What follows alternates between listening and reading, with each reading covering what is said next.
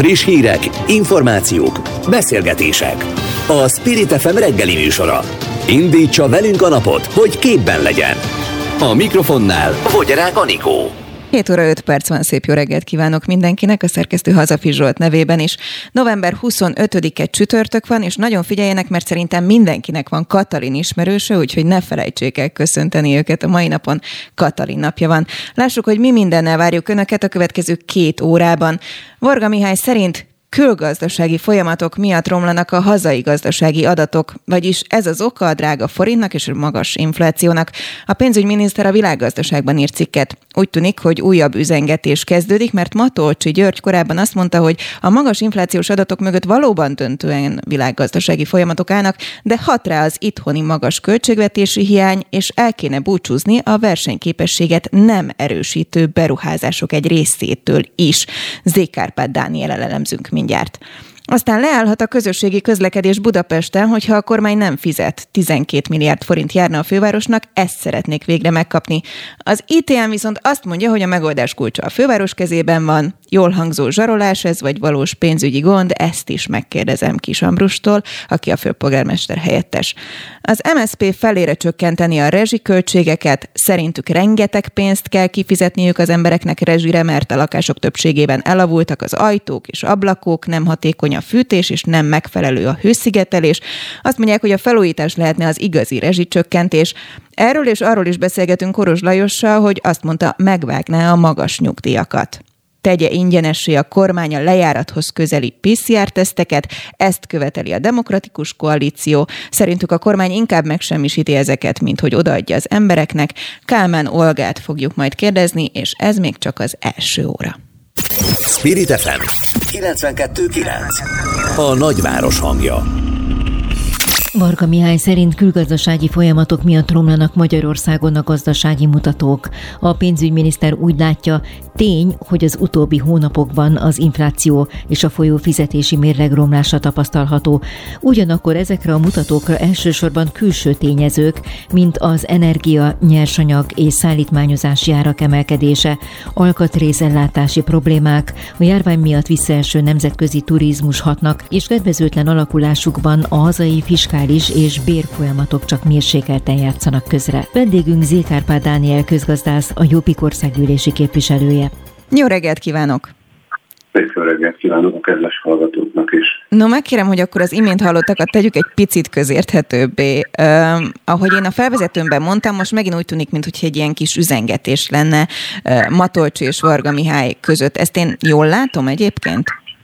Tökéletesen jól látja. Én erre azt szoktam mondani, hogy Orbán Viktor két bal keze egymásra mutogat, ugyanakkor mindkettőjüknek óriási felelőssége van a kialakult helyzetben. Mind a ketten tehettek volna azért, hogy az inflációs spirál és ezek az egészségtelen gazdasági folyamatok ne alakuljanak ki, de mind a két fő kolompos, főfelelős elmulasztotta megtenni azt, amit megtehetett volna, és hát azt látjuk, hogy értelmes, hozzáadott értéket generáló beruházások helyett piramisépítések, kicoma beruházások jöttek jobbára, tehát az a kritika mindenképpen jogos, hogy betonba öntötték Magyarország jövőjét, nagyon nehéz lesz nekünk innen visszahozni ezt az egészet.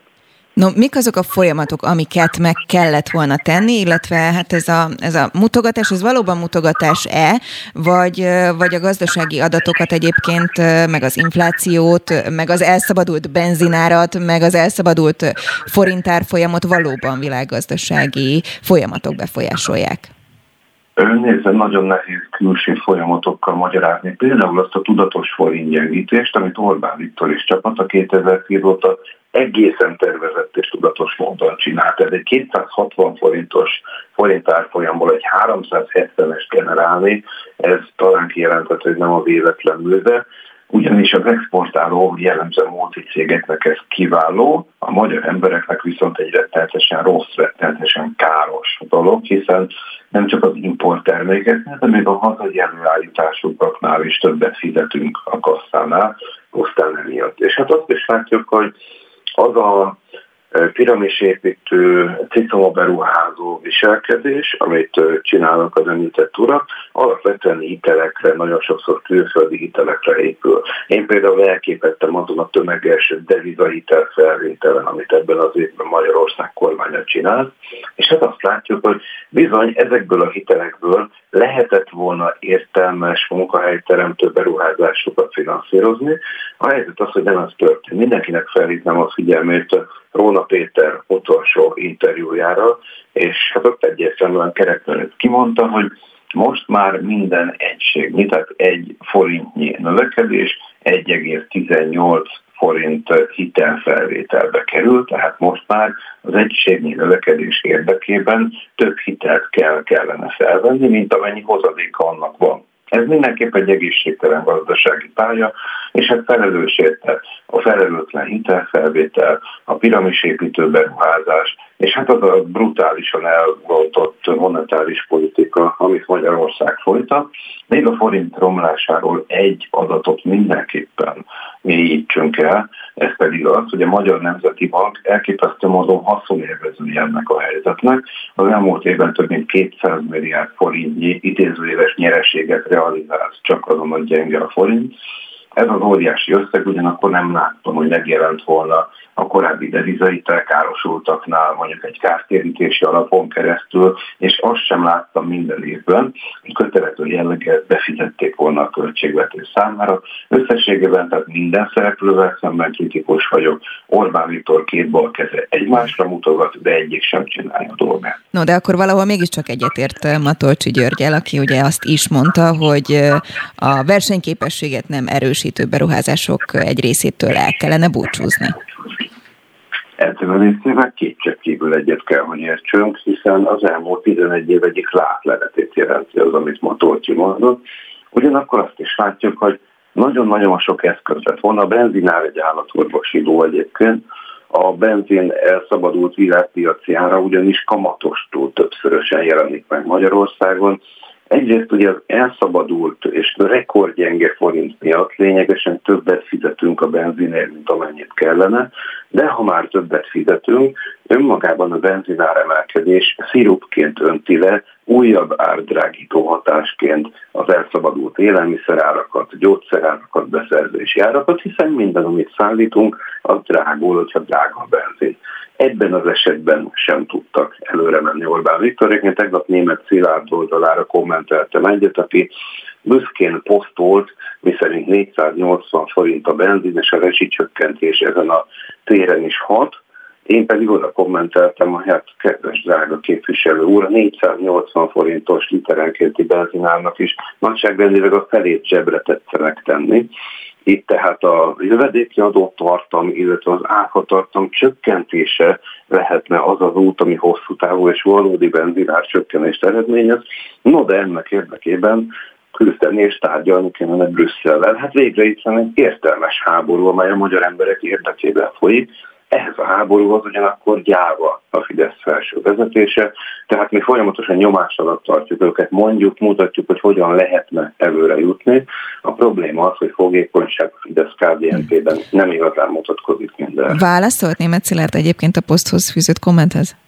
Egyelőre nem láttam, de várom szeretettel. A jobbik, gondolom, mindig nyitott a jobbik gondolom egyébként üdvözli ezt a benzinár befagyasztást, hiszen pont önök lobbiztak ezért benzinár stop címmel. Igen, Most akkor úgy tűnhet a hallgatónak, hogy semmi sem jó. Ugyanakkor hát ott is elmondtuk, hogy három lábról, három pilléről beszélünk, ebből az árbefogyasztás az első belépő kategória, ha úgy tetszik, egy tüneti kezelés. Nem véletlen, hogy más országokban is addig fagyasztják be a benzinárat, amíg kimunkálják a valódi megoldást. Nálunk befagyott az ár, ugyanakkor senki nem dolgozik kormányzati szinten a valódi megoldáson, ami mindenképpen az áfa csökkentése, vagy és a jövedéki adó csökkentése. Itt is egy képtelen helyzet áll fenn, ugyanis az Unió euróban határozza meg azt a minimálisan elvárt jövedéki adó befizetési kötelezettséget, amit minden országtól elvár, Ez Magyarországon ugye jelen pillanatban 120 forint a jövedékjadó minden liter benzin után. Az elvárt szint ugyanakkor a forint brutális romlása miatt már 129 forint, hiszen euróból kell elszámolni ezt forintra. Éppen ezért, ha betartja a szabályokat az Orbán kormány, neki most adót, illetve benzinárat kellene emelnie. Én nagyon bízom benne, hogy ennyire szervilisek már nem lesznek, ezt nem teszik meg, hanem végre értelmes tárgyalásokba bocsátkoznak külföldön is erről a kérdésről. Zékárpád Dániel, köszönjük a véleményét, szép napot! Köszönöm a lehetőséget, viszont kívánni. Spirit FM 92.9 A nagyváros hangja Egy a kormánynak küldött hatásos üzenetküldés érdekében a fővárosi vezetés a közösségi közlekedés teljes leállítását fontolgatja, írta a hvg.hu. A fővárosnak járó 12 milliárd forintot szeretné így megszerezni a vezetés. Járat ritkítással nem tudnának sokat spórolni, ezért a portál szerint erősebb üzenetet és drasztikusabb lépéseket fontolgat a fővárosi vezetés. Kis Ambrus főpolgármester helyettest kérdezzük. Jó reggelt kívánok! Jó reggelt kívánok, köszöntöm a hallgatókat. És hát kezdjük ezzel, de nyilván nem csak erről fogunk beszélni a tegnapi közgyűlés kapcsán, ugyanis erről nem nagyon olvastunk hírt, csak arról, hogy vizsgálóbizottságot állítottak fel a Városháza ügy miatt, és azok részletét ecsetelte a sajtó. Mi a helyzet most BKK kapcsán? Lesz leállás a tömegközlekedésben, vagy nem lesz? Mi az ön legfrissebb híre? Ilyen döntést még nem hoztunk, ez egy lehetőségként akár az asztalon lehet, de miről van szó, mert szerintem ezért érdemes megnézni, hogy 120 milliárd forintba kerül azon kívül a közösségi közlekedés, amit az utasok jegybe és bérletben megvesznek a közlekedési vállalattól. Ezt a 120 milliárdból 108 milliárd forintot a fővárosi önkormányzat fizet, 12 milliárdot az államnak kellene fizetnie költségvetési törvény alapján. Ez egy adomány, nem Karácsony Gergelynek járó plusz pénz, hanem ez ekkor összeg volt 2019-ben és 18-ban is, 17-ben is. Ezt a 12 milliárdot nem utalja, sőt még a szerződés sem küldte el a kormány, és hát erősen elkezdtünk aggódni, hogy ezt el akarja blitzelni. Ezt a pénzt, és ez egy komoly tétel, tehát mert mi most már kifizettük idáig a 108 milliárd forintos részünket, a 12 milliárdot kéne átutalni legalább néhány lépésben az államnak ahhoz, hogy a közösségi közlekedés finanszírozható legyen, és mintha nem akarnák érezni ennek a felelősségét és ennek a súlyát, hogy milyen vállalattal, milyen komplex rendszerrel játszanak. Akkor segítsen nekünk érteni, mert az ITM válasza erre az, hogy igazából ez Karácsony Gergely felelőssége, mert a főváros nem hajlandó a ráeső agglomerációs részt megfizetni. Ez mi? Ez egy butaság már, hogy a kettőt összekapcsoljuk. Ez olyan, mintha én azt mondanám önnek, hogy én azért nem nyilatkozok most, mert 9 órától egy másik rádióban sem adnak lehetőséget arra, hogy ott nyilatkozzak. Kettőt összekapcsolni nyilván ebben az esetben is nonsens, mint ahogy, amit az ITM mondott, abban is nonsens. De miről is van szó? Az agglomerációs közlekedésre még Tarlós István időszakában kitárgyaltak egy szerződést, amely szerint 6 milliárd 580 millió forintot kell évente fizetni a fővárosnak, a Volán és a MÁV társaságok fele, azért cserébe, hogy akkor a HÉV és a volánbusz járatok bejöjjenek Budapest és az utasokat szállítsák. 6 milliárd 580 millió volt 2019-ben is, 2020-ban is. Valóban van egy szerződéses vita, de ennek ellenére mi azt mondtuk, hogy ezt a 6 milliárd 580 millió forintot ezt elutaljuk havonta. Ez több mint fél milliárd forint havi utalást jelent. Mi ezt teljesítjük, novemberben is teljesítettük, és decemberben is nyilván teljesíteni fogjuk, hiszen azt gondoljuk, hogy fizetni kell. Most azért egyébként azt jelzem, csak mindenkire rábízom, hogy mi az agglomerációért, agglomerációs közlekedésért fizetünk 6 milliárd 580 milliót, ezzel szemben az állam teljes budapesti közösségi közlekedésért 12 milliárdot, azért az jól látszik, hogy nincsen összhangban a két szem. Csak ez miért? Szeretném hangsúlyozni, mi fizetjük ezt az összeget, ezzel szemben az állam nem fizet egy fillért sem az idejében a közösségi közlekedésre, nem összekapcsolható vita, meg, meg egyszerűen nem is értem a dolgot, tehát hogyha mi ezt fizetjük az összeget, akkor ők arra hogyan hivatkoznak, hogy mi ezt miért nem tesszük meg. No, ha ez tegnap nem volt téma, akkor ön szerint mikor lesz téma, és valóban előfordulhat-e az, hogy Budapesten leálljanak a buszok, a villamosok, a metró? Nyilván fokozatosan kell ebbe aladni. Ma főpolgármester úr sajtótájékoztatót fog ebben az ügyben tartani, abban már azért több elem valószínűleg ki fog derülni, hogy milyen lépéseket akarunk végighez vinni. Fontos, hogy azért nyilván nem arról van szó, hogy mi az utasokat kárán akarjuk ezt a pénzt valahogy elhozni a kormánytól, hanem egyszerűen, hogy az utasainkat bevonni ebbe a történetbe olyan szempontból, legalább ők is érezzék. Mert hogy miről van szó? Fölszáll valaki a buszra, metróra, villamosra, megveszi egy bérletét. Ő fizet ezért a szolgáltatásért. Az állam nem fizeti meg ezt a pénzt, amit ő maga a saját költségvetési törvényébe beírt 2021-re is, meg 2022-re is, nem fizeti meg, erre mondjuk azt, hogy ő blitzel, és ezt a blitzelés, ezt az utasok esetében érdekes módon a nagy többség érti és érzi, hogy ezt nem lehet csinálni, az állam ezek szerint meg azt gondolja, hogy meg lehet csinálni. Szóval fokozatosan kell haladnunk a dologba, hiszen nyilván előbb-utóbb csak rájön, és ez lehet, hogy persze álnai vagyok.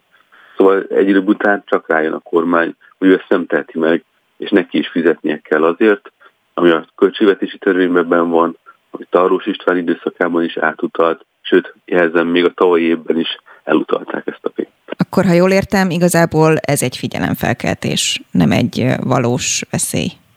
Hát valós veszélynek abban a szempontból, hogy lehet, hogy volt ebbe egy félreértés, hogy akkor a mai naptól már nincsen közösségi uh-huh. közlekedés Budapesten. Igen, nyilván, sokan ezt így gondolták.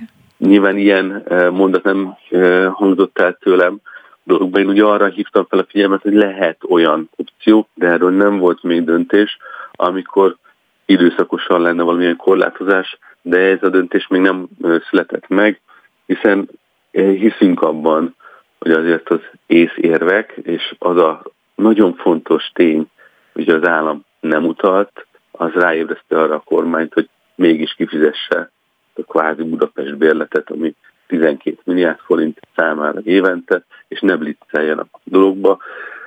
Először a, a, a tájékoztatás, és utána meglátjuk, hogy milyen e, eszközöket e, akarunk használni, mivel élni. Illetve van egy nagyon fontos probléma, hogy ténylegesen is működtetni kell ezt a rendszert. Mai naptól azt egészen tudom, biztosan tudom, hogy ma már folyószámla hitele van a BKK, tehát az azt jelenti, hogy ő most már egy hitelből tudja működtetni a közösségi közlekedés rendszerét. Ha az a 12 milliárd forint nem folyik be az idejében egyáltalán, akkor őszintén szóval nem tudom, hogy ö, ö, hogyan csináljuk végig likviditási szempontból ezt az évet, de fokozatosan kell haladnunk, tehát most nem fogok ötletelni ennek kapcsán, hogy milyen megoldások lehet. Ez a BKK vagy a főváros folyószámla hitele egyébként? Ez a BKK-nak a folyószámla hitelje, a főváros jelen nem folyószámla hitelem van. Ugye azt mondtuk, hogy ezt a 12 milliárd forintot nem tudjuk, nem is akarjuk kifizetni az állam helyett, az az ő költsége, addig, amíg nem érkezik meg a BKK-hoz az államtól ez a pénz, addig a BKK egyelőre folyószámla hitelen él, de ezt a törvények alapján ezt neki december 31-ig vissza kell mhm. fizetni, ez a probléma ebben a dologban. Um, civil vagyok, és nem gazdasági szakértő, de a hitel az azt vetti fel számomra, hogy mondjuk a 12 milliárd az akkor ráadásul több lesz, mire visszafizetem, ezt jól gondolom. Hát nyilván, hogy folyószámla hitelnek van kamata. Ugye persze a kérdés, hogy ez hány napig kell ezt a kamatot használni a cégnek, mekkora kamatköltség jelentkezik a dologba. Azt hiszem adódhat persze a kérdés, hogy ha túl sokáig húzza az állam, akkor esetleg meg a kamat és neki kéne állnia, hiszen ő idézi elő ezt a helyzetet, megtehette volna simán, hogy elutalja a pénzt. Ezt Tarlós István időszakában augusztus-szeptemberben megérkeztek ezek a pénzek, ha itt lenne, már nem is beszélgetnénk erről a témáról, hiszen ez pipa, és haladhatnánk tovább a decemberben, november végén az a kérdésem, hogy hogyan működik a közösségi közlekedés. Jó, de jól értettem, mától van ez a hitel? Mai napon biztos, hogy uh, hitelen van a uh, BKK, a BKV esetében még vannak likviditási tartalékok, uh, de azok sem túlzottak, tehát hogy hiszen ugye a BKK finanszírozza a BKV-t, illetve a külső operátort, nyilván a külső operátort is fizetnie kell neki, BKV-nek is kell utalni a pénzt, hiszen neki pedig üzemanyagot kell vásárolnia, működtetni a buszokat, béreket kell fizetnie, tehát így tevődik össze ez a rendszer, de a mai naptól a, a BKK-nál biztos, hogy hitel van. Röviden beszéljünk kérem arról, hogy ha erről nem is volt szó a tegnapi közgyűlésen. Abszolút ugye... volt erről szó, volt bocsánat, szó? Tehát volt, volt, hogyne, hogyne, abszolút ez egy hosszú vita volt a, a közgyűlésen. Hát ez, ez, talán ez Akkor volt a nem volt vita. hangos a sajtó, viszont a másik témájuktól igen, a Városháza ügy miatt felállított vizsgáló bizottságtól. Egy elég rövid határidőt határoztak meg a feladatra. Ha jól értem, akkor december 15-ig a következő nagy közgyűlésig elő kell állnia valamivel ennek a bizottságnak. Mi lesz az ő feladatuk, és lehet-e ennyire rövid idő alatt kideríteni, hogy most akkor mi történt, meg ki mit mondott, meg ki mit üzent, meg mi derült ki? Hát gondolom, hogy gyorsan neki áll a bizottság, akkor mindenre van lehetőség, azért ez három hét, az nem egy annyira drámai a rövid idő, már csak azért is, mert hogy egyébként meg ha ennyire feszíti mindenkit ez a kérdés a, a Fidesz részéről, hogy e, mi hangzott el, és kik mondták, és miért, és miért vádaskodtak például néhány esetben, hiszen én is tettem ebben büntetőfeljelentést, akkor, akkor gyorsan derüljön ki, ne toljuk át jövő évre, vagy bármilyen hosszabb időtávra. A bizottság egyébként minden olyat vizsgál, az én meglátásom szerint, amit a Fidesz kezdeményezett, és főpolgármester módosítójával pedig kiegészült néhány szemponttal, mégpedig például az, hogy Gasperger Gyula Fideszes kötődésének a vizsgálata is, vagy például az, amit a főpolgármester mondott, hogy ő ebben erős külföldi titkosszolgálati szállat vél felfedezni, amely sokkal kevésbé a fővárosi önkormányzata, de sokkal inkább a 2022-es választásokra való beavatkozással kapcsolatos. Ezekkel is kiegészült a bizottság. Én azt gondolom, e, e, gyors munkával ezt a, el lehet végezni a bizottságnak, és valamilyen e, anyagot be tud hozni a decemberi rendes közgyűlés elé. Biztosan beszámolunk róla. Kis Ambrus főpolgármester helyettes, köszönöm szépen, hogy rendelkezésünkre Aktuál. Friss hírek, információk, beszélgetések. A Spirit FM reggeli műsora.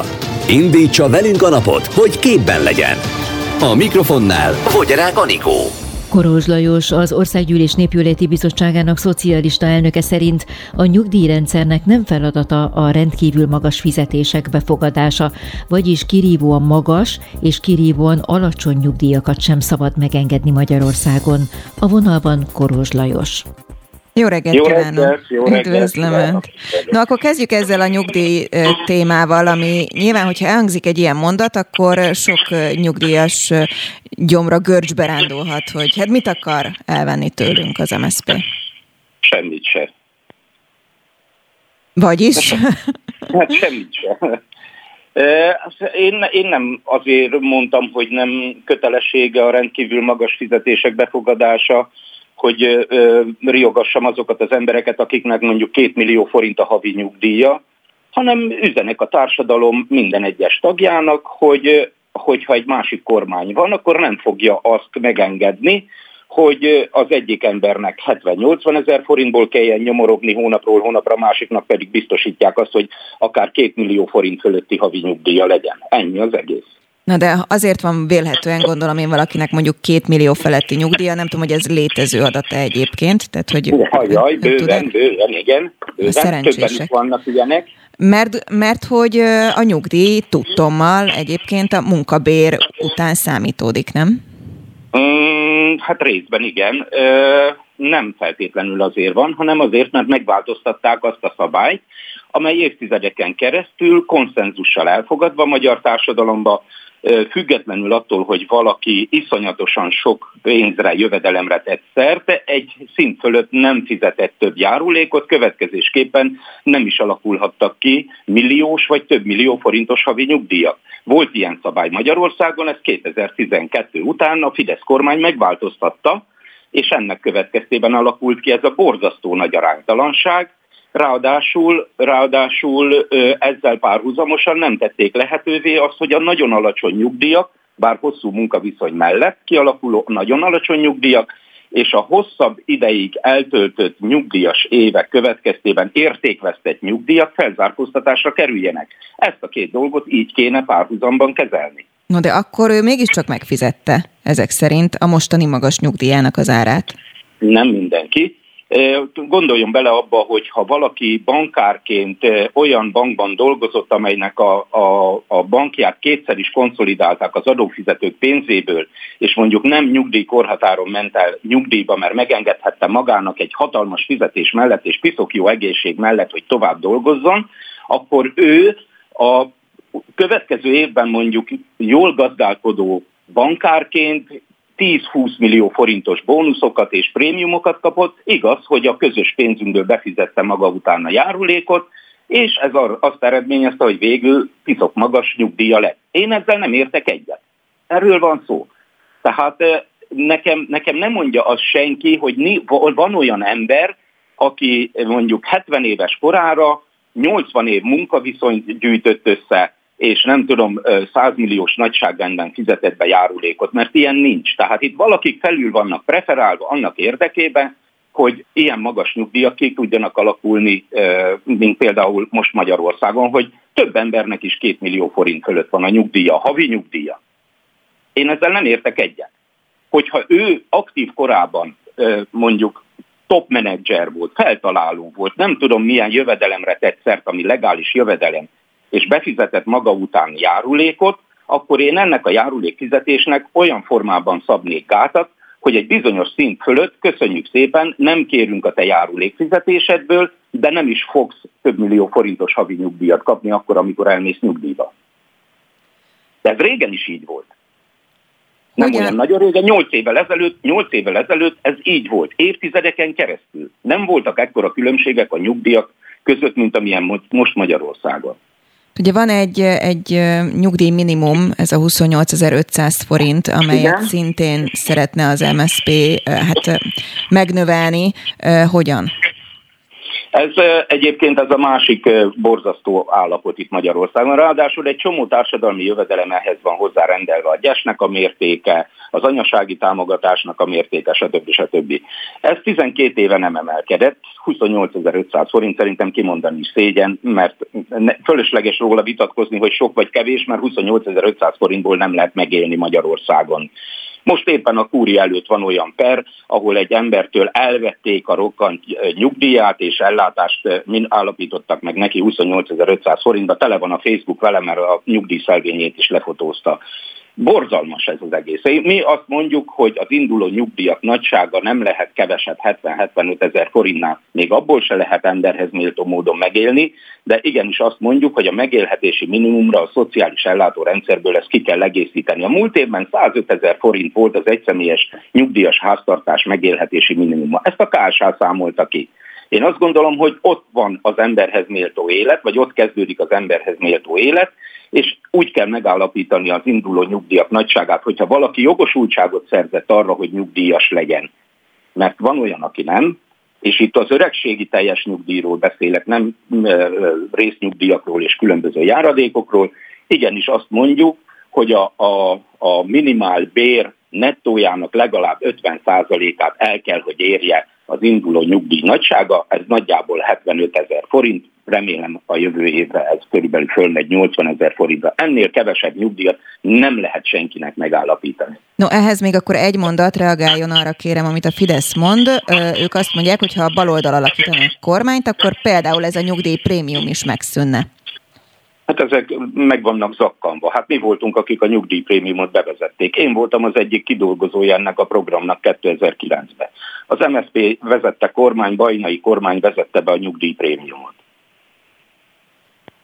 Vagyis? Hát, vagyis hát meg kell tartani a nyugdíjprémiumot. A nyugdíjprémium, az örüljünk neki, hogy Orbán Viktor ezeket a szabályokat, ezeket a törvényeket betartja.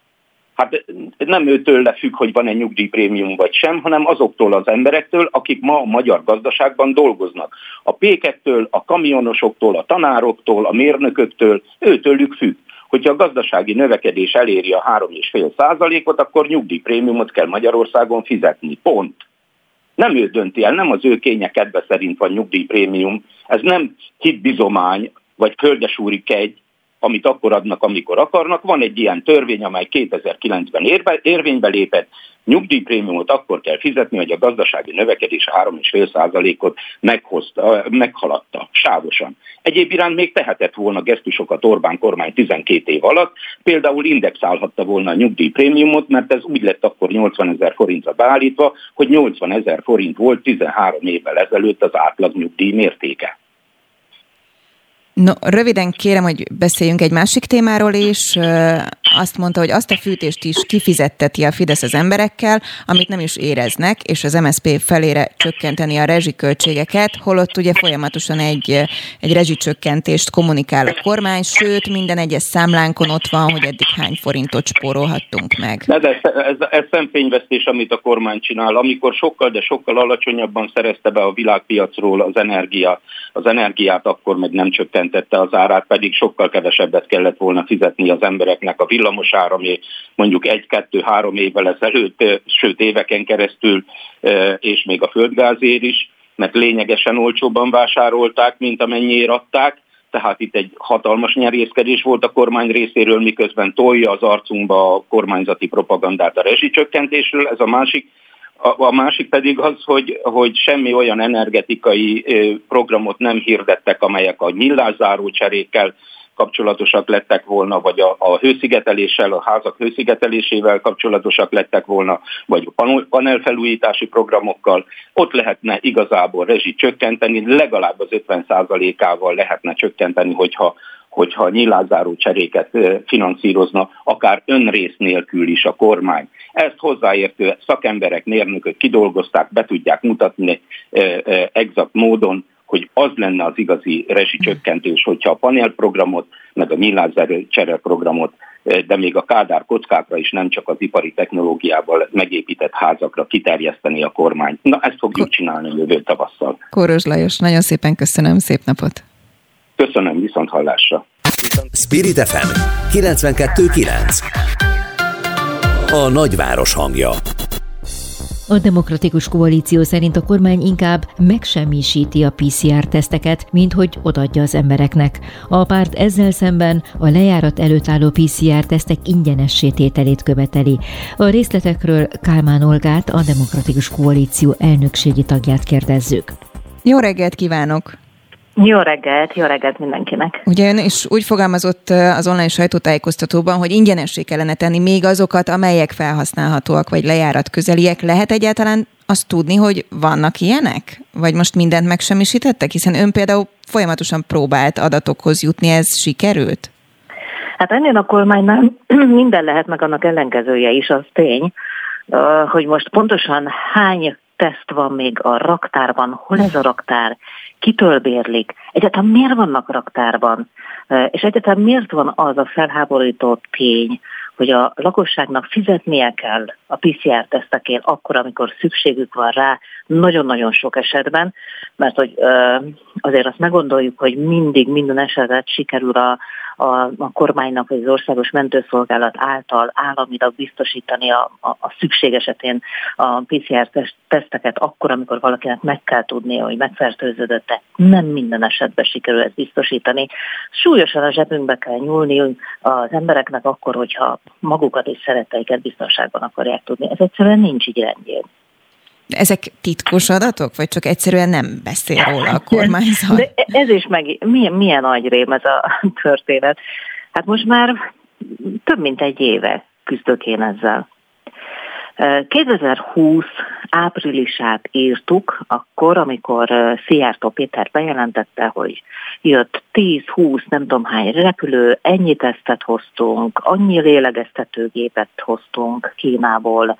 Mindenki emlékszik ezekre a felvételekre. Mert pontosan a szám aztán kiderült, még, még, még annak idején Újhely István kezdte el a közérdekű adatigénylést, több mint két millió PCR-teszteket vett a külügyminisztérium, és 30 ezer fölötti gyors tesztet. Ezek oda kerültek a, az állami egészségügyi ellátóközponthoz, ugye ez volt még a lánykori neve, most már, most már nem így hívjuk. Úgyhogy az első küzdelmem ezzel az AELK-val volt, amikor közérdekű adatigényléssel fordultam hozzá, hogy hol vannak ezek a tesztek. Uh-huh. Mert hogy vettünk a mi tehát adófizetői, tehát mi pénzünkből több mint 2 millió tesztet. Egyébként ez nem 5, hanem, hanem 9,5 milliárd forint volt összességében. Uh, akkor miért kell fizetnünk? Vagy hol vannak ezek a tesztek? Mind felhasználtuk? Vagy mi lett vele? Hát erre ráment egy olyan fél évem a közértekű adatigénylésekre, mert, mert nem mindig azt mondták, nem úgy mondták, még kérdezni kellett, aztán végül már nem mondtak semmit. És akkor bepereltem őket. És hát talán emlékszik rá, ugye ez egy ilyen másfél-két, másfél hónappal ezelőtt derült ki, a bírósági tárgyaláson, az egész egyszerűen, ha megszakadtam, se árulta el az, az állami egészségügyi ellátó az utódja, ez a kórházfőigazgatóság, hogy, hogy hol vannak a tesztek. Miért nem számolnak-e 700 ezerről adott információt, a többiről nem? És akkor ott a bírósági tárgyaláson az, az államügyvédje azt mondta, hogy hát hol lennének raktárban. Miért vannak raktárban? És ugye a friss információ az, hogy most meg már le is járt a szavatosság ideje, hogy hány darabnak, pontosan azt ugye nem tudjuk, és akkor inkább megsemmisítik. Tehát akkor nem lehet tudni, hogy egyébként hány maradt, vagy hány az, amelyik mondjuk raktárban van és lejárat közeli? Erre vonatkozóan akkor most újabb pert kell mondjuk önnek indítani, hogy kiderüljön? Hát, és mire a vége lesz, addigra lejár? Minden lejár, tehát most is, tehát amiről nem számolt el nekem a, a főigazgatóság, az, az olyan 1 millió 200 ezer fölötti. Tehát majdnem másfél millió tesztről egyszerűen nem adott információt, hogy hol van.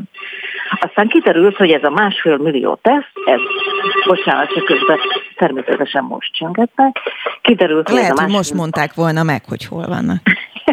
Igen, biztos jön a kórházfőigazgatóság. Igen, hallja a beszélgetést. Ú, elfelejtettem. Na, szóval, hogy másfél millió tesztről derült ki a bírósági tárgyaláson, hogy raktárban van. Most erről a másfél millióról derül ki, hogy kezdenek szépen megromlani. És ebből a másfél millióból, ahogy jár le a szabatosság ideje, ezek elkezdik megsemmisíteni, mert hát mit csináljanak vele, nyilván a romlott cuccot már nem lehet odaadni a lakosságnak. Akkor hol a vége ennek? Én nem tudom, csak egész egyszerűen most komolyan mondom, ezek normálisak. Tehát itt vagyunk a negyedik hullámban, rengeteg megbetegedés. És nem az embereknek adják oda, hanem inkább bezúzzák, elégették, nem tudom, mit csinálnak, hogy semmesítik meg az ilyet, mindegy is. Miért? Ez a mi pénzünkből vették. Valaha kiderülhet, hogy hány van még raktáron, és az kijuthat-e egyébként, ahogy ön is kérte, vagy a demokratikus koalíció kérte az emberek közé, hogy ingyenesen tudjanak tesztelni?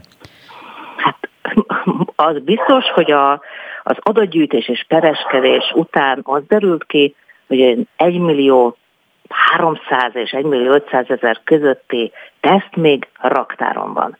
Most abból elkezdenek megsemmisítgetni. Hogy most 10-20 százat, vagy már 500 ezeret semmisítettek, meg nem tudom. Tehát ehhez megint közérzetű adatigénylés kell, a közérzetű adat. De termény mindent, mindent. Hát ami, amit már benyújtottam, hogy látni akarom ezeket a szerződéseket. Tehát szeretném látni, hogy kitől és mennyire bérlünk raktárt.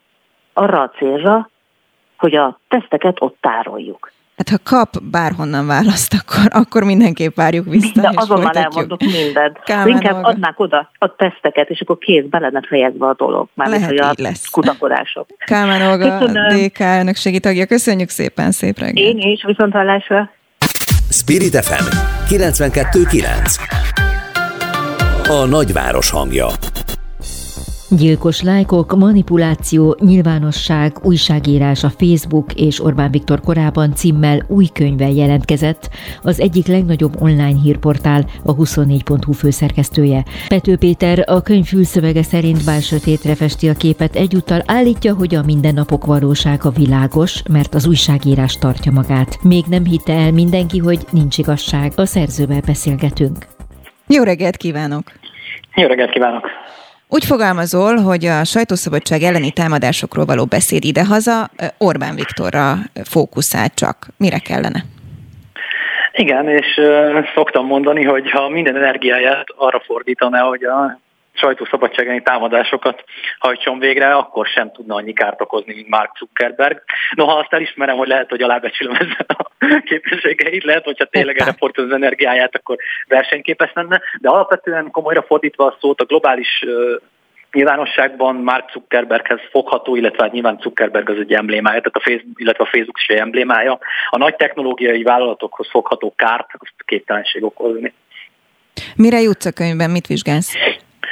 Hát alapvetően azokat a dilemmákat, hogy ugye nyilván a liberális demokrácia, melynek rendszerváltás után részesei lettünk, hogyan vezetett részint, vagy hogyan ágyazott meg ezeknek a fejleményeknek, hiszen azért a Facebookot vagy a Google-t is a, a, a szabadság megmentőiként üdvözöltük, ideértve mindig magamat is, azt hozzáteszem, tehát ez a vakság, ez nem gondolom, hogy másokra vonatkozna, az én vakságom is, hiszen mikor megjelent a Facebook, akkor ugye sokan azt mondták, hogy uh, ugye végre akár autokratikus rezsimekben is szabadon beszélnek az emberek, megoszthatják a problémáikat, szerveződni tudnak. Ugye az afrikai, az, vagy az arab tavasz idején volt, hogy sokan ennek tulajdonították, hogy sikerült diktatúrákat megdönteni. Tehát, hogy, hogy volt egy ilyen, egy ilyen, hogy ilyen reklámszabadság, ami hozzáfűződött a, ezekhez a nagy, cége, nagy tech cégekhez. Hát már azt látjuk, hogy írtózatos károkat okoznak. Most ha csak a polarizációról beszélünk, ha csak arról, hogy hányan ragadnak véleménybuborékokban, és hát nem beszéltünk arról, hogy ezek a cégek semmilyen felelősséget nem viselnek a nemzeti nyilvánosságokon. Tehát mondjuk amíg az ATV, vagy a Spirit FM, most éppen beszélgetünk, vagy a 24.hu-nak felelősséget kell vállalnia azokért a tartalmakat, amit közzétesz, a Facebooknak nem. Ugyanakkor a Facebook sok pénzt csinál abból, hogy ő nem csinál semmilyen tartalmat, és nem kell érte felelősséget vállalnia. Hát igen, ez egy izgalmas terület nyilván a Facebooknak a krit. Ugyanakkor viszont cenzúrázhat. Hát de azért mondom, hogy számos, ez az egyik, és számos ilyen pontot felsorolhatunk, amelyben, amelyekben a Facebook egyszerűen mintha egy ilyen jogszabályokon vagy világokon kívüli tényező lenne, ideértve azt, hogy valóban egy kevési átlátható rend alapján tüntet el oldalakat, vagy éppen enged szabadjára tartalmakat, hiszen pontosan azzal egy időben, hogy bizonyos tartalmakat szélsőségesség vagy féknek ítélt tartalom miatt eltüntet. Azzal egy időben viszont maga is szolgál ki egyébként olyan konteó csoportokat, ahol az algoritmus azt érzékeli, hogy jól fogyasztják az ilyen-olyan összeesküvés elméleteket, ott akár más összeesküvés elméleteket is az algoritmus elkezd árulni a, a fogyasztóknak, és akkor így egyre többel próbálja őket elszakítani a valóságtól. Hát azért szoktam mondani egyébként, hogy a, a, a sarki újságárus az biztosan demokratikusabb hely, mint a Facebook üzenőfala, mert ott, ott ki vannak rakva az újságok. Tehát az ember oda megy, és akkor nyilván sok mindenre van szükség, mert valamilyen pénzügyi tőkére, hogy tudjon újságot vásárolni, valamilyen kulturális tudásra, hogy, ki, hogy akarjon újságot vásárolni, de hát mégis ki vannak rakva az újságok egymás mellé, és akkor ott válogathatunk. A Facebook üzenőfalán ugye egy általunk nem ismert algoritmus, általunk nem ismert logika alapján, ami egyébként egy tisztán üzleti logika, teszi elénk a tartalmakat, anélkül, hogy ezek a választási szabadságok megjelennének. Tehát lényegében egy algoritmus dönt helyettünk arról, hogy mit fogyasszunk. Mi nem manipulálunk? Újságírók. Hát nyilván minden célunk az, hogy nem manipuláljuk. És szerintem ez a, leg, ez a legérdekesebb dilemmája, hogy, hogy, hogy számos dimenzió van, amiben szerintem tök Szerintem ez egy rég elveszett cél, amiről beszélgetünk. Tehát igen, lehet, hogy neked meg nekem ez a célunk, sokaknak azonban nem. Hát nem, de pont azért szerintem ez, ez egy létező, hogy tehát az újságírás azért a szenvedélyünk, mert nyilván a valóságról, meg az igazságról szeretnénk beszélni. És ez nem jelenti azt egyébként, hogy olykor nem követünk el hibákat. Sőt, biztos, hogy követünk el hibákat. A, a, az újságírás leglényege az, hogy mire törekszünk. Tehát arra, hogy ha történnek is ilyen hibák, azonnal kijavítsuk, hogy közelebb kerüljünk a valósághoz, hogy mindent megtegyünk azért, hogy, hogy a lehető legsokrétűbben, a legszéles körülben, leghitelesebben tájékoztassunk, és hogy eközben követünk el hibákat, vagy egyébként akár akaratunkon kívül valamilyen módon eszközei vagyunk valaminek, vagy tudásunkon kívül, ez egy opció, csak hogy mivel mi tudatunknál vagyunk, és tudjuk, mik a céljaink, vagy tudjuk, milyen normák szerint működünk, ezért mindig arra törekszünk, hogy csökkentsük ezeket a kockázatokat, és ha vannak is ilyen hibák, kijavítsuk őket. Péter, vannak olyan sajtóorgánumok, és direkt így fogalmazok, amelyek magukat újságíróknak nevező egyénekkel dolgoznak, és ők nem ezt vallják. Sőt, vállaltan egyik vagy másik irányban elfogultan próbálnak manipulálni. Akkor hol a mi felelősségünk mondjuk, hogy a kedves néző, hallgató, olvasó el tudja dönteni, hogy éppen most manipulált, vagy nem manipulált tartalom jut el hozzá?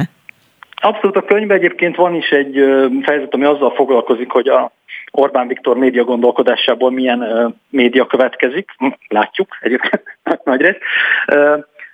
Én azért nem szoktam, vagy kevesebbet beszélek erről a szekcióról, mert valójában, mint a világnak erről részéről, amely ilyen logika alapján működik, mert kívül van azon, amit, amit, amihez van az embernek hozzáférése, vagy, vagy, vagy, vagy javító eszköze. E, és szerintem ennek az ellenreakciója az az tud lenni, hogy amit mi csinálunk, azt a lehető legjobban, és a, az újságírás hagyományaihoz, normarendszeréhez, nem tudom, morális keretéhez leghűségesebben, meg legkövetkezetesebben csináljuk, és az a remény, hogy az olvasói bizalom pedig azokhoz fog, azokhoz fog jönni, akik ezt csinálják. Egyébként zárójel az összes nézettség és összes olvasottság is azért nagyjából ezt igazolja. Tehát a legnagyobb példány az adott magyar politikai napilap, a legolvasottabb hírszájtok, ha a bulvárszájtokat levesszük, a legnézettebb politikai tévék, ezek nagyjából mindig olyan, ö, ö, olyan médiumok, amelyek nem a kormány által közvetlenül vagy közvetlenül finanszírozott, és egyéb célokat szolgáló magukat sajtóorgánok nevező entitások közül kerülnek ki. Tehát valójában az olvasói bizalom, meg a nézői bizalom azért, azért azok mellett van, akik a, ragaszkodnak az újságírás bizonyos kereteihez. Között. Gyilkos lájkok, ez a címe a könyvednek. Most jelent meg frissen, ropogósan, úgyhogy ebben további részletek lehetnek, mi pedig innen folytatjuk. Pető Péter, köszönöm szépen. Én köszönöm, hogy Aktuál. Friss hírek, információk, beszélgetések. A Spirit FM reggeli műsora. Indítsa velünk a napot, hogy képben legyen. A mikrofonnál Vogyarák Anikó. És 8 óra 5 perc van, és folytatódik az aktuál, és lássuk, hogy a következő egy órában mi mindennel várjuk majd önöket. Száz magyar értelmiségi követel párbeszédet a járványkezelésről. Kutatóorvosok, biológusok, pszichológusok, jogászok, újságírók, művészek írták alá azt a nyilatkozatot, amivel azt szeretnék elérni, hogy induljon vita erről a témáról. Schiffer András is, nem sokára őt kérdezzük. Aztán Európa szerte vezetnek be szigorításokat a járványhelyzet miatt, aggasztó a helyzet Erdélyben is. Romániában egyébként az egyik legalacsonyabb a beoltottak aránya, kapcsolunk majd oda, és Szlovákiába is, hiszen ott most az a legfrissebb hír, hogy kéthetes teljes zárat vezetnek be. Ma van a nők elleni erőszak kiköszöbölésének nemzetközi napja. Egy felmérés szerint minden ötödik nő érintett, nem csak fizikai, hanem pszichológiai, pszichikai erőszakról is beszélünk ilyenkor az itthoni helyzetet mutatjuk majd be, és titkos kortárs galéria nyílt tulajdonképpen egy épület felújításával a fővárosban. A Gizella Maloma rendszerváltás óta műemléki védelem alatt áll, most loft lakásokat alakítottak ki benne, és a belső udvarban kortárs művészeket kértek fel falfestmények elkészítésére. Kiláthatja a különleges kiállítást, erről is beszélgetünk. Spirit FM 92.9 a nagyváros hangja. Száz magyar értelmiségi követel párbeszédet a járványkezelésről. Kutató orvosok, orvosok, biológusok, pszichológusok, jogászok, szociológusok, művészek és újságírók írták alá azt a nyilatkozatot, amivel azt szeretnék elérni, hogy induljon vita erről a témáról. Sifer András jogász volt országgyűlési képviselőt kérdezzük, hogy lette hatása a felhívásuknak. Jó reggelt kívánok! Jó reggelt kívánok! Hát elég neves az a lista, akik aláírták ezt, hogy végre beszéljünk nyíltan erről a helyzetről. Volt, vagy van már foganatja? Hát kérdés az, hogy ki mit ért foganat alatt. Nyilván olyan illúzióm nekem legalábbis nem volt, hogy a kormány hirtelen magába száll és visszavesz a propaganda tempóból, de hát olyan feltevésem, feltevésünk volt, hogy azért sikerül egy kavicsot dobni az állóvízbe, és amíg az elmúlt hát jó másfél évben, nem csak Magyarországon, szerte a világon mindenki gondolkodás nélkül ment bele, illetve a korlátozó intézkedésekbe, illetve vette tudomásul azt, hogy olyan történik, ami az emberiség történetében gyakorlatilag még soha. Talán ki lehet nyitni kérdéseket, amik, amik eddig szűnyeg alá voltak söpörve. No, melyik Tehát a legfontosabb vitapontok ön szerint? Hát a legfontosabb és a legaktuálisabb vitapont Magyarországon és szerte Európában, hogy Van-e alapja egyáltalán az oltatlanok megkülönböztetésének? Ha igen, akkor mely pontokon, mely szekvenciákban, illetve hát ez nem is vitapont, mert tulajdonképpen csak az alaptörvényt kéne végrehajtani, hogy a korlátozások, tehát az oltatlanokat érintő korlátozások esetén is a szükségesség, arányosság mértékét mindig, minden körülmények között tiszteletben kell tartani. Vagyis már a korlátozás is alaptörvény ellenes? Mert tegnap ugye az egyenes beszédben ön azt mondta, hogy a kötelező oltás az lenne alkotmány ellenes. De, köte, de bocsánat, kötelező oltás van. Csak csinál egy csúnya bábjátékot a kormány, mert rátolja a munkáltatókra, Magyarul ezt úgy tessék elképzelni, hogyha előírják azt, hogy nem tudom, kötelező mondjuk maszkot viselni az utcán, ami volt mondjuk tavasszal, és ön nem vesz fel maszkot, akkor kiszabnak egy bírságot. Most a kormány azt mondta, hogy nem közigazgatás vagy szabálysértési bírságot szab ki, hanem gyakorlatilag a béralkú pozícióját veszik el annak, aki egyébként nem hajlandó magát beoltatni, pedig a munkáltatója ezt elrendelte. Ha úgy tetszik, ez egy súlyosabb szankció, mint egy 100 ezer forintos büntetés. Ön találkozott, a... bocsánat. Igen? Ön találkozott olyan, hogy ezt elmeri rendelni a munkáltató? Mert én bárkivel beszéltem az elmúlt hetekben, a munkáltatók igazából nem nagyon merik ezt elrendelni, mert hogy látják azt, hogy aki nem akarja beoltani magát, az ennek hatásra nem fogja. Vagy mondjuk ott hagyja őt, és akkor ő van bajban. Na most egyrészt ugye az állami szférában ezt elrendelték. Ugye ez egy külön rendelet alapján, ami egy felháborító disznóság, mert az állam ráadásul a szükségesség arányosság alkotmányos követelményét az állami szférában sem tartja tiszteletben, hiszen gondoljuk végig, hogyha csak a rendvédelemről beszélünk, egészen másként esik a kérdés alatba egy olyannal, aki hivatásszerűen mondjuk testi kényszert alkalmaz, és egy olyannál, aki mondjuk egy technikusi, irodai munkát végez. Ráadásul szembe kéne végre nézni, és hát ezt is szolgálta a petíciónk, szembe kéne néznie a magyar kormánynak is, és az Európai Uniónak is azzal, hogy egyáltalán miért van a társadalmak nem jelentéktelen részében egy ellenállás. Mondom ezt úgy, hogy én magam oltott vagyok, tehát én elvégeztem egy mérlegelést.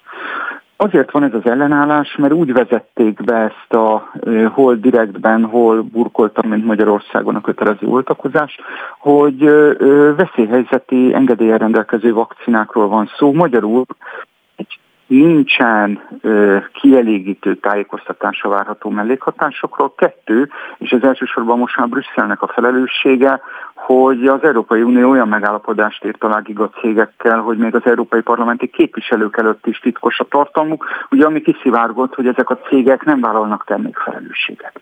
Tehát én azt gondolom, hogy a bizalmatlansággal kéne a kormánynak is foglalkozni elsősorban az emberek fenyítése helyett, a ö, ö, oltatlanok munka, munkaerőpiaci pozíciójának a megsemmisítése helyett. Ezzel alatt értem azt, hogy mi volna akkor, hogyha mondjuk a miniszterelnök ma van csütörtök, holnap péntek reggel bemondaná azt a rádióban, hogy igen, akiknél, akik beoltatják magukat, mert kötelezték őket erre, és mégis vannak ennek igazolható mellékhatásai, ott a kormány mögé áll és vállalja a kártalanítást. Ez egy nagyon kemény bizalomerősítő lépés lenne a magyar kormány részéről, vélhetően jobban ö, fokozná az oltakozási hajlandóságot, mint mindenféle súnyi kényszerítés és, és pusztán megbélyegző, fenyítő alapon bevezetett ö, szemben. Ez a párbeszédre való felhívás azt is jelenti, hogy igazából akik mondjuk aláírták ezt a petíciót, oltáskritikusok? Hát én nem tudom, hogy ez mit jelent, hogy oltáskritikus. Hangsúlyozom, én beadattam a vakcinákat magamnak. Jó néhány olyan aláíróról tudok, aki szintén itt tett. Más meg nem tette meg. De könyörgöm, mi értelme van annak a kifejezésnek, hogy oltáskritikus akkor, amikor nem 20 éve bejáratott, kísérletezett a hatásmechanizmusában monitorozott vakcinákról van szó. Erre mondjuk azt, hogy emeljük már fel a fejünket, tekintsünk szét, és vegyük tudomásul, hogy ahogyan a vírusnak a hatásmechanizmus ma ismeretlen az emberiség előtt, zárójel, a bizalmi válságnak globálisan az is oka, hogy azt sem tudjuk, hogy ez az egész vírus ez pontosan hogyan keletkezett. A vakcinák is egyenlőre kísérletiek.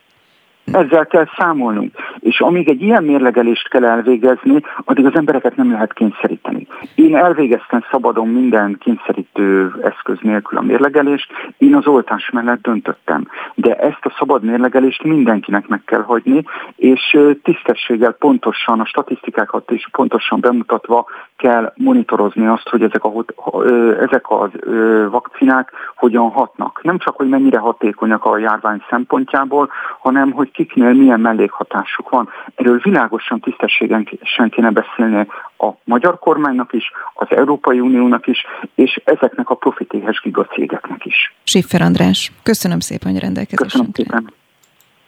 Spirit FM 92.9 A nagyváros hangja Aggasztó a járványhelyzet Erdélyben, Romániában az egyik legalacsonyabb a koronavírus ellen beoltottak aránya az Európai Unióban, az országon belül pedig a túlnyomó a magyar lakta megyék sem jelentenek ez alól kivételt.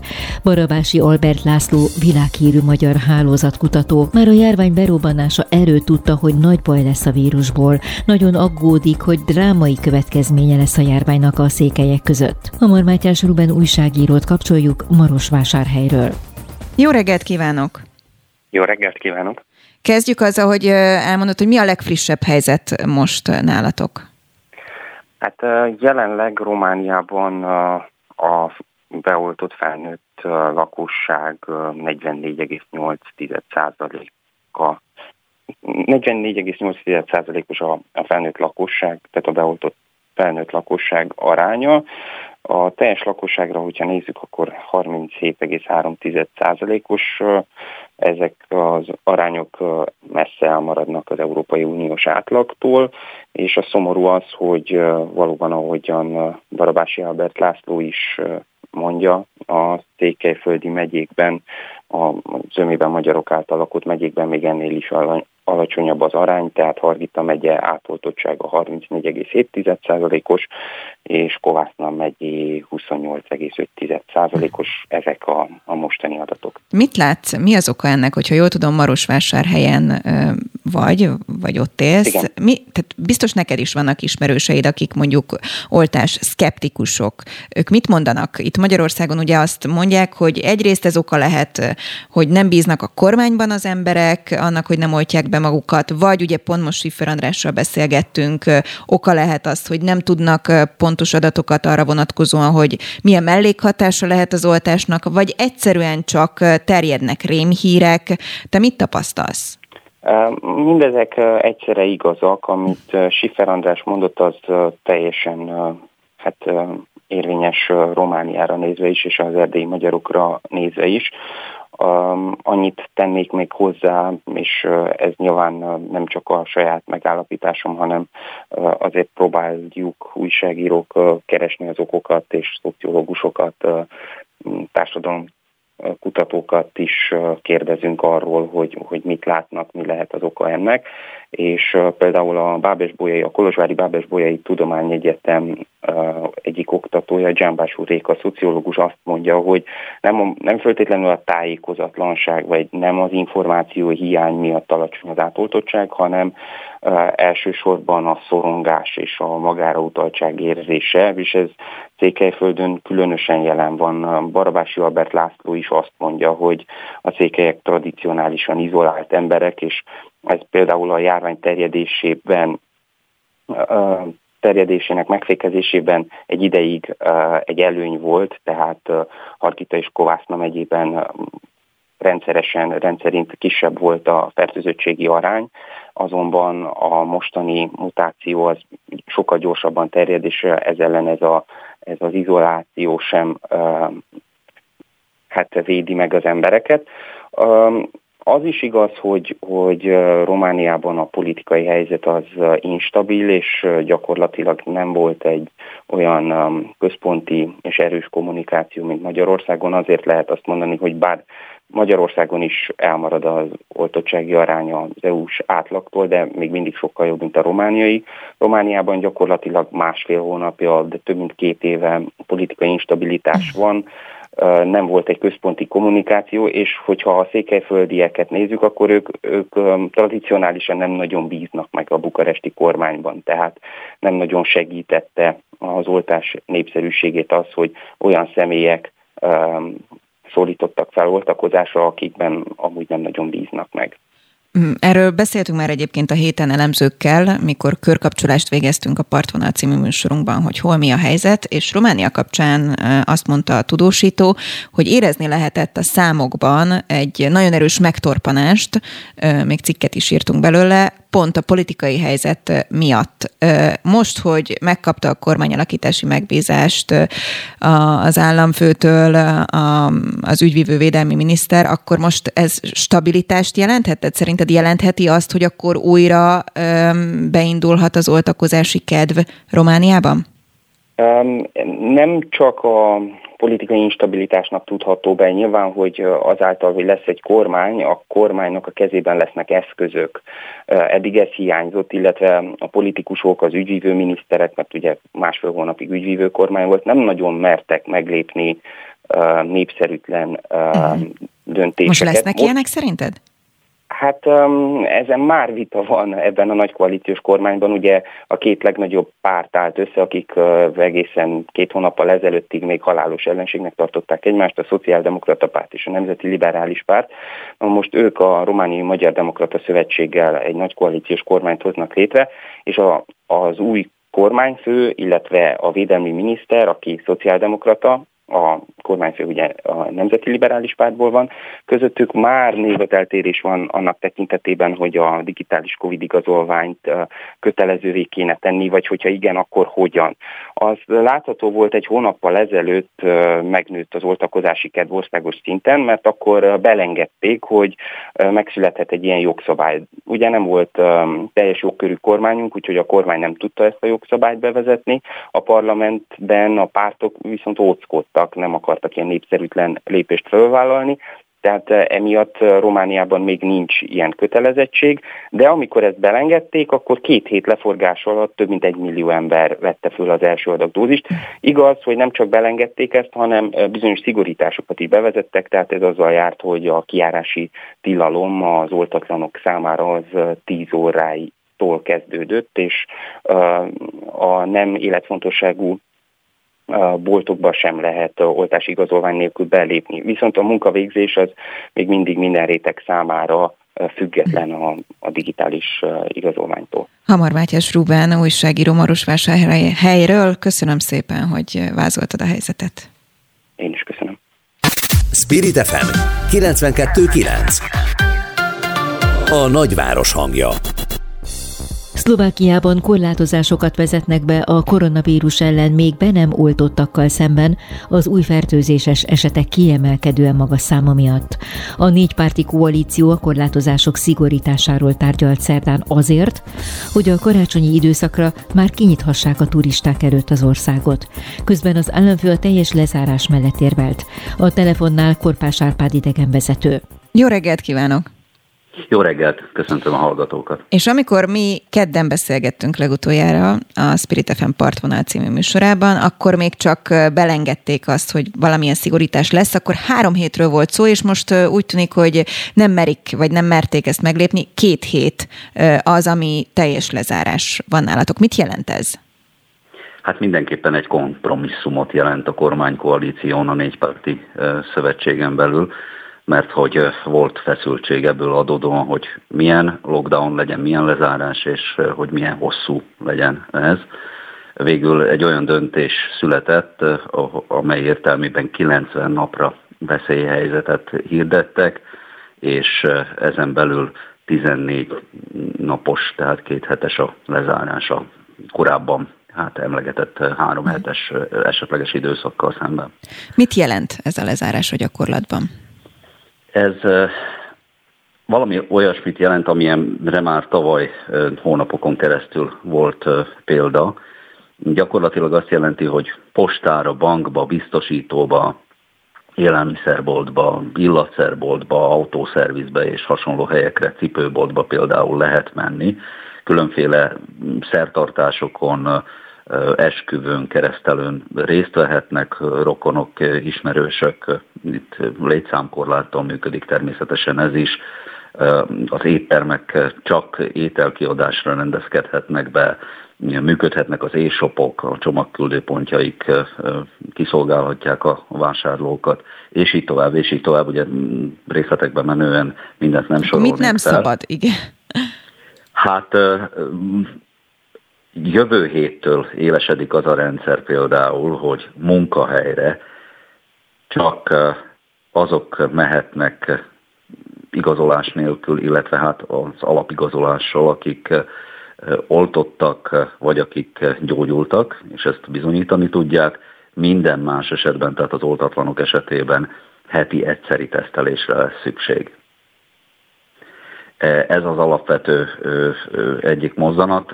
Amit szabad iskolába járni, az egyik koalíciós partnernek, a liberális SAS pártnak ez volt az alapvető követelése, és ebből a szempontból egyébként a többi koalíciós partner javaslatát, a teljes lezárást vétózta is, úgyhogy az iskolákat egyelőre látogatják a gyerekek, bár ez úgy igaz, hogy ahol pozitív esetben, eset van egy-egy osztályban, ott karantént rendelnek el, és nagyon vegyes a kép, nagyon sok iskolában gyakorlatilag már csak egy-két osztály, egy-két évfolyam működik.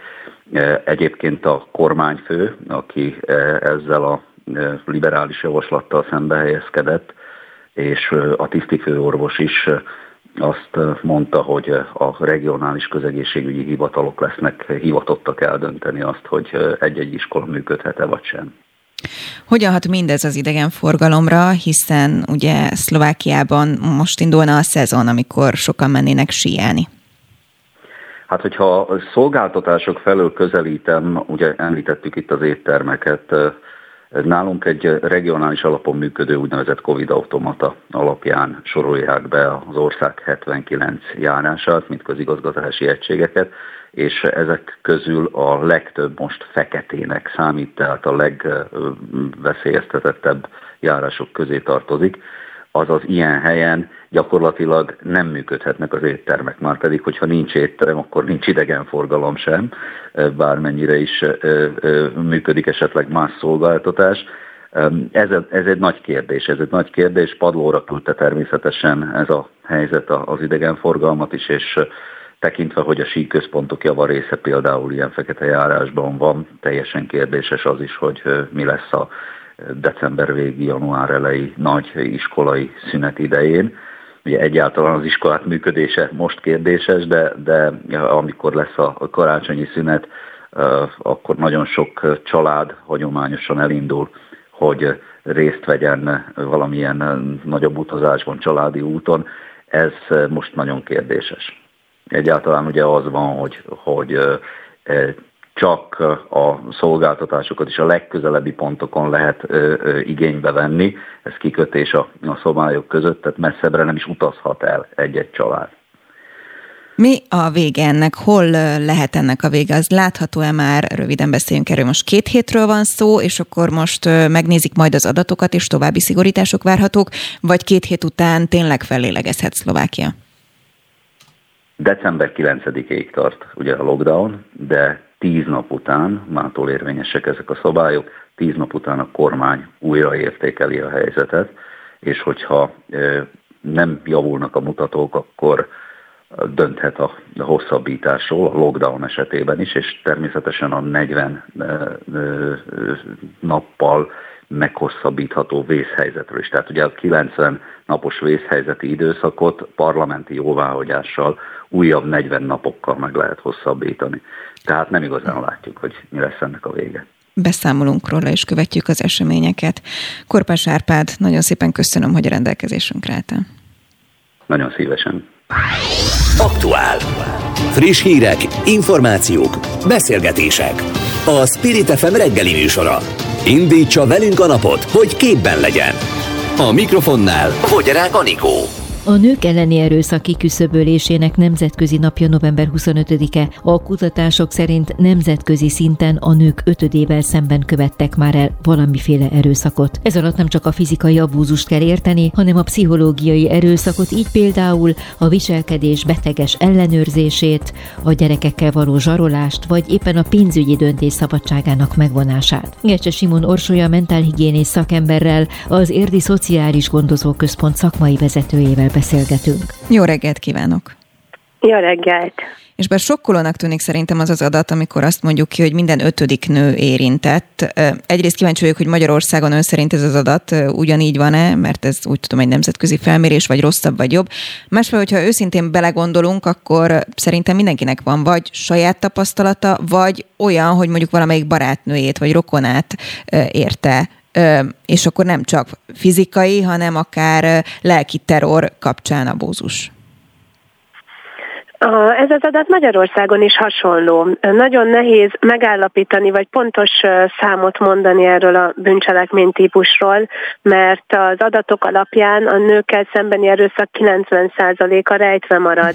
Nagyon nehéz ezért aztán becslésbe is bocsátkozni. Nagyon fontos, mert beszélnünk erről mégiscsak, és talán azért is ilyen nagy látencia övezi ezt a, ezt a bűncselekménytípust, mert nagyon mélyen gyökerezik a társadalomban ez a fajta nőkkel szembeni viselkedésforma, ha némi eufemizmussal hívhatjuk ezt így.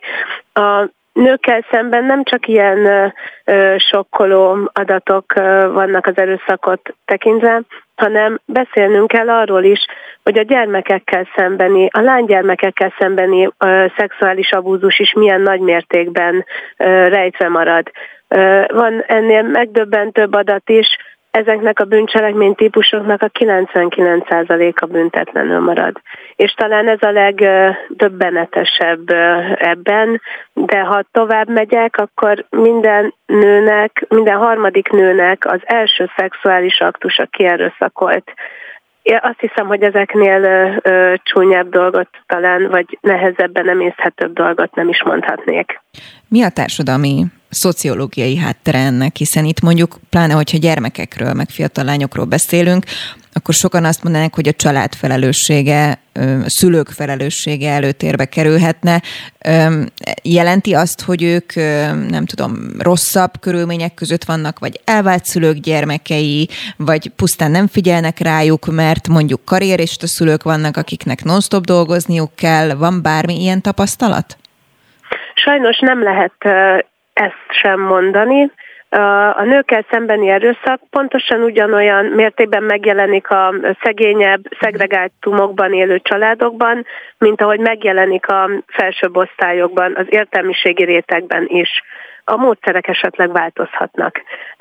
Ugyanakkor viszont, hogy miért ilyen, ilyen mélyen gyökeredző ez? Talán mindannyian hallottuk már, hogy az óvodában Pistike azért húzta meg Jutik a haját, mert hát vonzódik hozzá akkor, amikor a szeretet, vagy a szerelem, vagy a vonzódás megnyilvánulásának jeleként egy erőszakos dolgot említ egy szülő, vagy a lovónő, vagy a körülötte levő, a gyermek körül levő bármilyen felnőtt, akkor pontosan azt a torz képzetet hinti el, és tekinti természetesnek, és ezáltal honosítja meg a gyermekben is, hogy asszonyverve jó.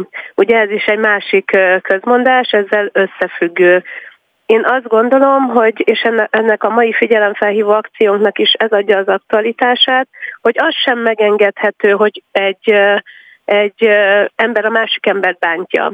De sajnos a nők elleni erőszakban 95%-ban a férfi veri a nőt, vagy a férfi bántalmazza a nőt, mert ahogy ön említette, itt a gazdasági, a pszichés erőszak ugyanannyira fontos.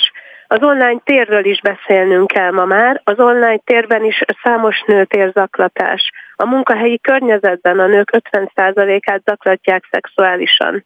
És ezekbe beletartoznak a durva vaskos stréfák, vagy a kéretlen udvarlás is. Talán számos dolgot sokan nem is tekintenek zaklatónak, de a legfontosabb ebben az, hogyha ez kellemetlenséget okoz, vagy érzelmi, bármilyen bántalmat, érzelmi vihart okoz egy nőben, az már az. Hiába mondják azt, hogy ártalmatlan, hogyha kifütyülnek a, az építkezésről a szakmunkások, és pejoratív megjegyzésekkel, vagy bármilyen nemű udvarló megjegyzésekkel illetik a, az utcán elsétáló hölgyet, ez okozhat olyan lelkisérelmet, ami miatt ez is, a kéretlen udvarlás is ebbe tartozik. Mi az önök akciója? A Érd városában bábukat, kartonból készült figyelemfelhívó táblákat helyeztünk ki, amin a kapcsolati erőszak, a nők elleni erőszak főbb statisztikai adatait jelenítettük meg, illetve a jellemző mondatokat.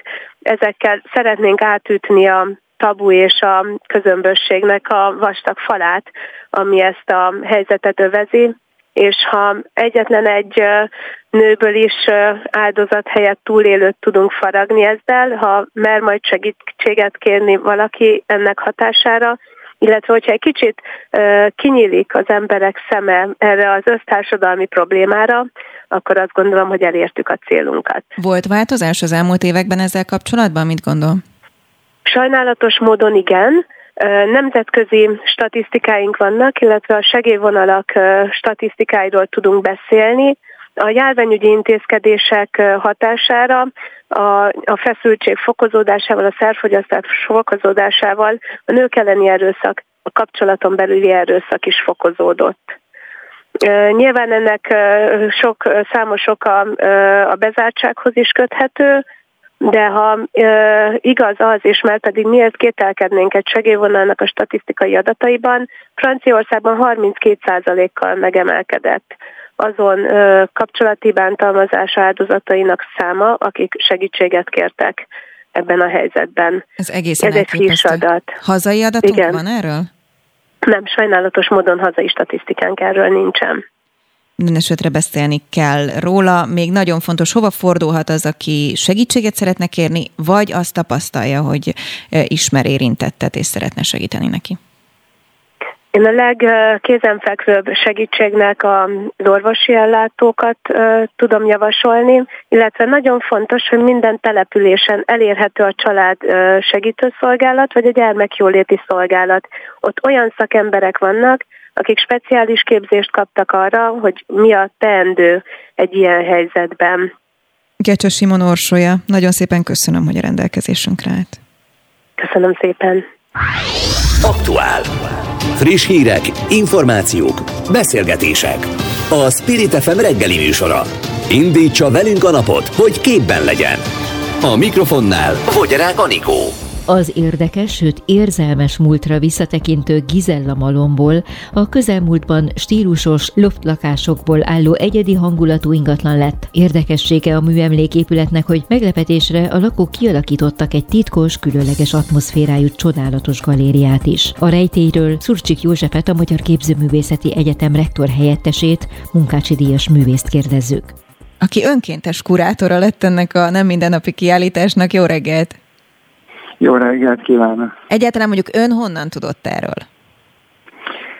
Hát a Gizala Malom azért egy nem, nem egy észrevehetetlen épület, szóval már az átalakulás során, amikor átépítették és loftlakások lettek belőle, feltűnt nekem itt a 9. kerületben, a Tinódi utcában egy gyönyörű épület, persze a többiek mellett is ugye impozánsan emelkedik ki ebből a közegből.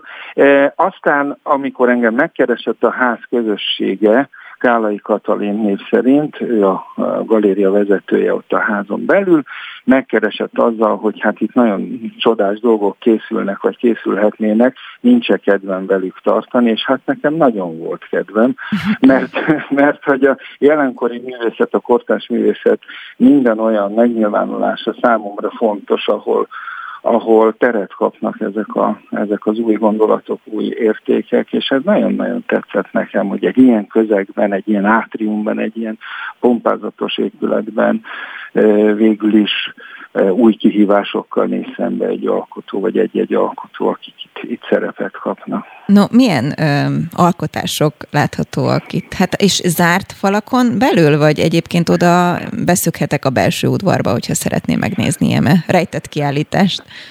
Hát igen, félig meddig zárt, ezért is nevezik titkosnak gondolom ezt a, ezt a, de titok, ezt a galériát. De, de, de, de, de érdemes bekérdezkedni valóban. Ez egy, egy belső tér, egy, egy foajéban vagyunk, ami nyitott felül, tehát egy ilyen átrium, valóban egy, egy valódi átrium, ami szépen sorban falok, falakon eh, helyezkednek el ezek a két mezők, amelyeknek egy része már megfestett, és hát még 10, nem is tudom, 19 mező vár még arra, hogy, hogy ezek a titkok újra bekerüljenek ebbe a közegbe, illetve megtalálják a maguk, maguk szerepét. Nos, ugye ez egy 130, épület, 130 éves épületről beszélünk, ami ugye új új közeggé vált, egy új, a, tényleg egy nagyon impozáns luxuslakások lettek itt kialakítva, és ebben a közegben zseniálisan néznek ki ezek, a, ezek a, az új művek is. Ugye arról azt kérdezte az előbb, hogy milyen művek vannak itt. Nem kicsik, ezt csak hadd mondjam el így bevezetőben, hogy ezek a falképek azért nem kicsik. Tehát a két és fél méterszer hat méteres képekről beszélünk durván, úgyhogy ez mind, az alkotóknak ez óriási kihívás. Először, legelőször még mielőtt én bekerültem a képbe, akkor Veredé Diana készítette az első falképeket, ebből van négy. Ezután, amikor Kálai Katalin galériavezető megkeresett, és így külsős kurátorként a Gizalamarom csapatába érkeztem. Első lépésként a képzőművészeti egyetemet szerettük volna helyzetbe hozni, és egy pályázatot írtunk ki számukra, és itt Kuzma Eszter és Friedrich Barnabás Nyírferdő című szerintem nagyon vagány művét festették fel először, nagyon sikeres volt, majd egy erős gesztusokkal készült non-figuratív falfestmény készült Kovács Anita kezéből, majd váltottunk egy picit, és a profi művészek felé is nyitottunk. Kótai Tamás munkácsi díjas festőművész kettő munkát készített, futva álmodás címmel. Az egyik egy festmény, a másik pedig nagyon érdekes acélmű, a falból ilyen, mint egy léjerek állnak ilyen nagyon szép motivumok, nagyon-nagyon különleges szerintem. Aztán pedig Ferenci Zsolt Barcsai Díjas festőművésznek az olvadás és itt az idő című műve, és legutoljára a Gulyás Andrea Error című műve készült ide. Szóval így szépen fejlődik, szaporodik ez a nyitárgy együttes, úgyhogy nagyon-nagyon vagány, nagyon tetszik nekem. És hát remélem, hogy aki el, el tud látogatni ide a Tinódi utcába, és meg tudja nézni ezeket a képeket, akkor e, valódi élménnyel gazdagodik. Nem mellesleg ugye az ott lakók, akik vannak annyira szerencsések, hogy nap mint nap hát, mondjuk láthatják ezt. Úgy tudom, hogy nem teljes még ez a galéria, hogyha lehet így hívni. Hova tovább, vagy meddig lehet ezt bővíteni? Igen, igen, ugye hát említettem azt, hogy van még egy ilyen, azt hiszem, hogy 19, talán 19 felület, 19 olyan uh, körbekerített, körbekeretezett falfelület, ugyanebben a nagyméretben, amelyek még várják az alkotókat. Úgyhogy ide Nagyjából mi pályázati úton közelítünk ehhez a, ehhez a kérdéshez, tehát meghívásos pályázat alapján döntjük el, hogy kiknek a műveit, kiket kérünk fel arra, hogy hogy fessenek műveket, vagy készítsenek helyspecifikus műveket. Itt van még például Péter Ágnesnek egy nagyon izgalmas, nagyon érdekes és nagyon szép acélműve, ami egy térbeli mű, egy szobor ebben a foajéban, ebben a az átriumban, ami ezek között a művek között egy, egy különleges alkotás a maga nemében.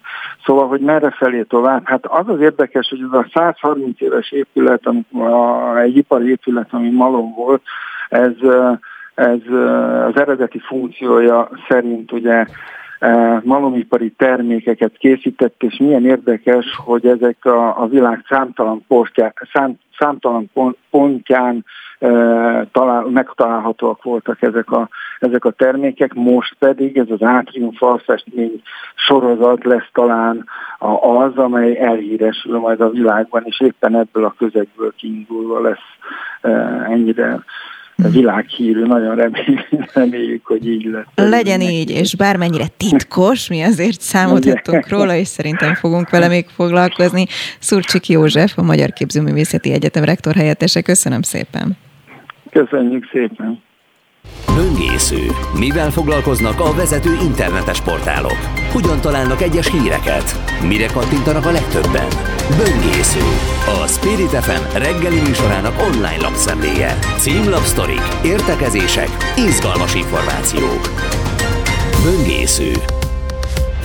Hazafi Zsolt szerkesztővel. Jó reggelt itt Jó is. reggelt, szervusz. És mindig annyira várom, és olyan kis izgis, hogy most éppen milyen típusú hírekkel jöttél. Az van, hogy én, én elképesztő módon élveztem az előző ciklusban, amikor Lázár János kancellária miniszter tartotta a különféle kormányinfókat, mert ő elég vicces tudott lenni. Nem tudom, hogy emlékszel ezekre a kikacsintásokra, meg Emlékszem. a, a vicces megjegyzésére, tehát élvezte ezt a műfajt.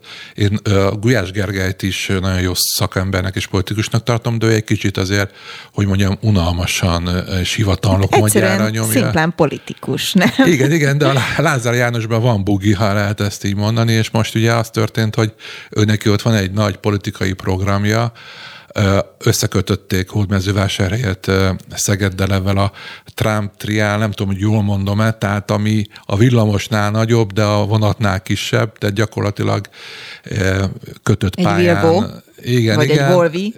Nem tudom, valami ilyen, és erről volt egy Facebook beszélgetése, ami ugye nyilvánvalóan, aki így látott már Facebook beszélgetést, meg látta, hogy a Facebookon hogyan szokott lenni a beszélgetés, hát sok minden másról is szó volt valójában erről a kötött pályás közlekedésről alig-alig, és hát Lázár János hozta a régi stílusát, a Blick szemlézte, mert hát hogy is mondjam, hát sikerült az egyik oltástagadó kommentelőt elküldenie melegebb éghajlatra, és most e, ezt emelte ki a Blick, hogy mindenkinek jogában áll hülyének lenni, és mindenkinek jogában áll meghalni, válaszolta egy oltástagadónak a Lázár János.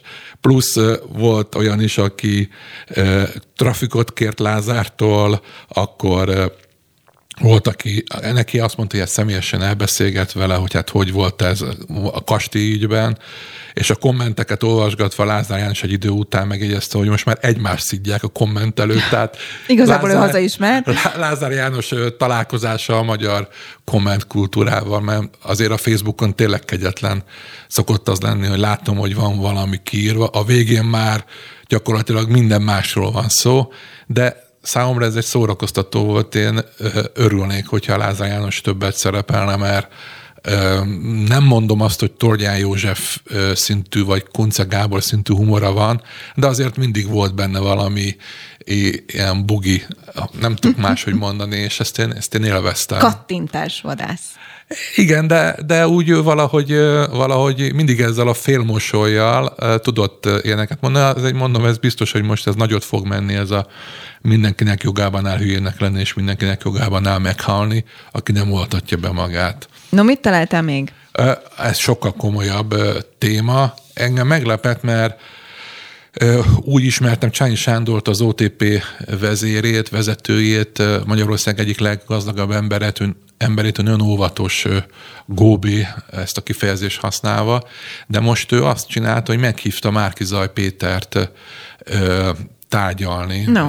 és tegnap volt Márkizaj Péter Király Júliával, a Magyar Nemzeti Banknak a volt alelnökével leült és egyeztettek Csányi Sándorral, ami hát nagyon érdekes, mert ugye ezzel gyakorlatilag az OTP vezér valamilyen szinten komoly embernek hitelesítette Márkizaj Péter, miközben ugye látjuk azt, hogy a a politikai kommunikációban a Fidesz főleg arra igyekszik tolni, hogy Márkiza egy komolytalan ember, egy bohóc koalíciónak a tagja, és gyakorlatilag Gyurcsány Ferencnek a kesztyűbábja, és azért hát Csányi Sándor el lehet mondani, hogy egy elég komoly ember Magyarországon, nem csak a bank vezetősége révén, hogy OTP az egyik legsikeresebb bank Magyarországon, hanem nagyon komoly befektetései vannak élelmiszeriparban, mezőgazdaságban, tehát hogy ez engem nagyon meglepett, hogy